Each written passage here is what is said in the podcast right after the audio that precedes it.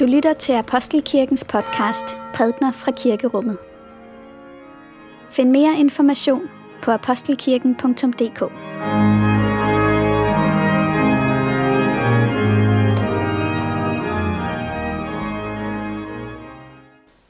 Godmorgen. Velkommen til live transmitteret gudstjeneste her fra Apostelkirken på denne palmesøndag. Og så skal vi læse en anden beretning eller en anden tekst fra Bibelen, som handler om det samme tema, men på en lidt anden måde. Det er fra Paulus brev til Filipperne, kapitel 2, fra vers 5. Der står sådan her. I skal have det sind over for hinanden, som var i Kristus Jesus. Han, som havde Guds skikkelse, regnede det ikke for et rov at være lige med Gud, men gav afkald på det, tog en tjener skikkelse på og blev menneskelig.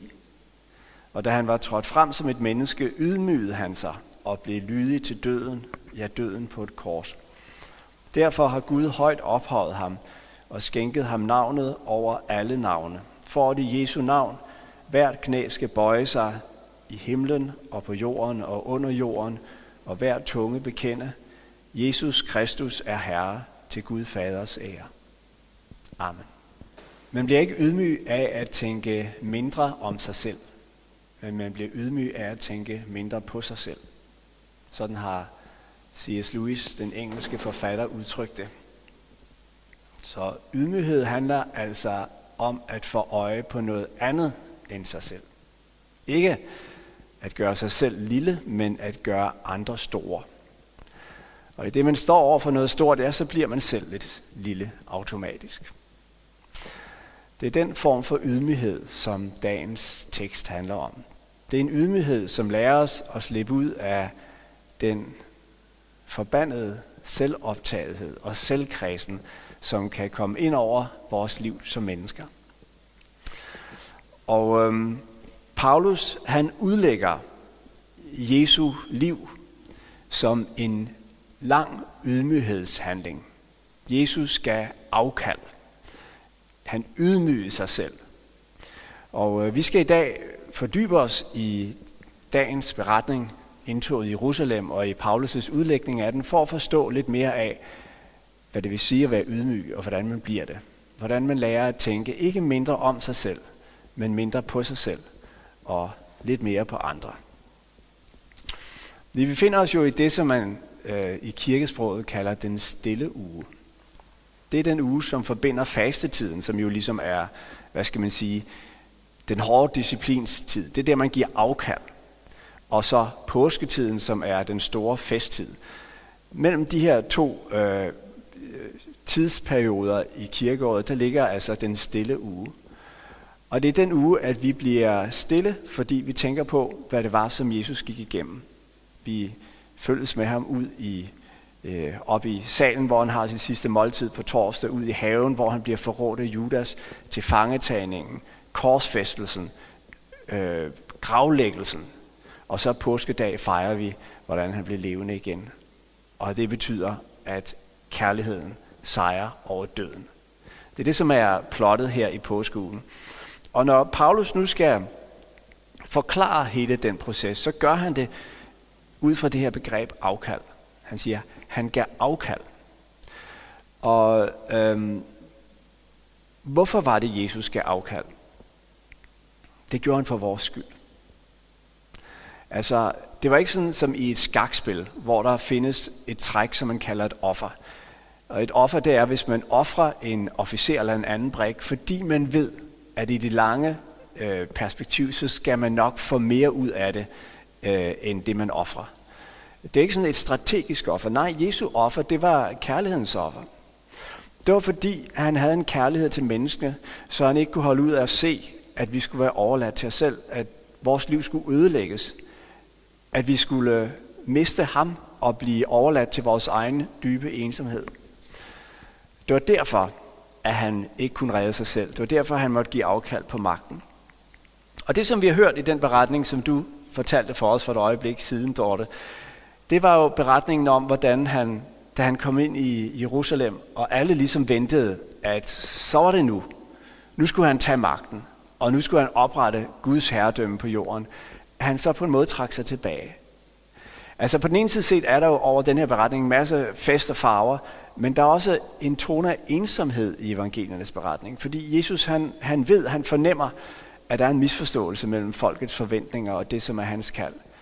Hans kald var ikke at gribe magten og udvide magten og opnå herredømme over flere og flere mennesker gennem sin magtudøvelse. Hans opgave var præcis den modsatte, nemlig at afstå fra magten.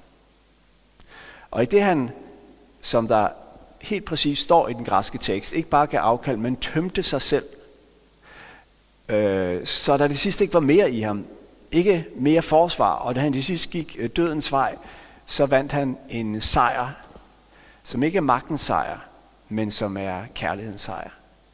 Det er det, som er det store øh, budskab i påskens begivenheder. Og det, som vi så i dag må spørge os selv om, det er, og det som Paulus opfordrer os til i den tekst, vi læste, det var, at vi skal også have det samme sind. Vi skal have det sind, som var i Jesus Kristus. Og hvordan gør vi det? Hvordan lærer vi ydmyghed? Hvordan slipper vi ud af de selvkredsende tanker og får øje på andre mennesker? Ja, hvis vi spørger os selv, så vil der måske være et nærliggende svar, der siger, jamen altså, de mennesker, som omgiver mig, de er så små. Det er så uselt. Øh, og, og derfor har jeg svært ved at være ydmyg, fordi at jeg i virkeligheden ligesom øh, øh, er bedre moralsk menneske end dem. Men der er opgaven ikke, at andre mennesker skal forandre dig sig. Der er opgaven, at vi skal forandre vores blik på andre mennesker. Der er sådan en historie om en mand, der går ind på et af de her berømte kunstmuseer øh, i London. Og går igennem hele rækken af klassiske kunstværker og passerer dem forbi en efter en, uden at yde dem nogen større opmærksomhed. Og så i det, han forlader øh, museet, så siger han til kustoden, helt ærligt, her er der ikke noget særligt at komme efter. Så ser kustoden på ham, og så siger han, min ven, her er det ikke kunsten, men beskueren, der bliver bedømt. Det er sådan, vores liv er. Vi er omgivet af mennesker, som vi måske har svært ved at få øje på storheden i. Vi går dem hurtigt forbi. Men ydmygheden lader os se storheden i det andet menneske. Det var det, Jesus gjorde. Han så, at menneskene var det værd, og så gav han sit liv for dem. Og det er den, den form for ydmyghed, som ikke består i at tænke lidt om sig selv, men at tænke lidt på sig selv, fordi man giver plads for andre i sin, i sin tanke. Det er den ydmyghed, som øh, øh, Jesus kalder os til igennem sit eksempel og, og gennem Paulus' ord til os i dagens tekst. Så det er det, den stille uge skal lære os. Og det er en vigtig lektie at lære for os netop i denne tid. Fordi i en forstand, så har vi jo selv levet i en stille tid. Coronatiden har jo været stille uger.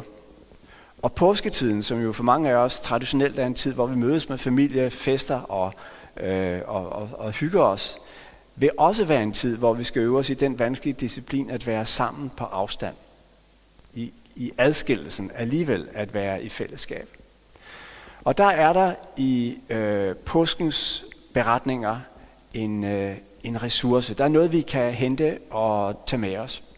Og det er bevidstheden om, at det andet menneske, som vi øh, har med at gøre, som vi måske nu er adskilt fra, det andet menneske er også et menneske, som er skabt i Guds billede. Et menneske, som Kristus gik i døden for, og et menneske, som øh, har øh, ret og er stort nok til at få vores øh, kærlighed og vores opmærksomhed.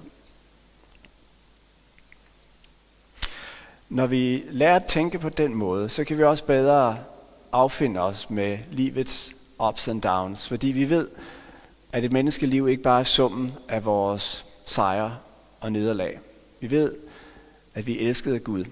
Det er den kærlighed, som Kristus viste, da han bragte sit offer, da han gav afkald for vores skyld. Og det er den kærlighed, som han kalder os til at forsøge at vise hver for sig, der hvor vi er. Og så kan man erfare, at netop det at være adskilt fra et andet menneske, kan være en anledning til at få øje på det menneske på en ny måde. Der er et gammelt ordsprog, der siger,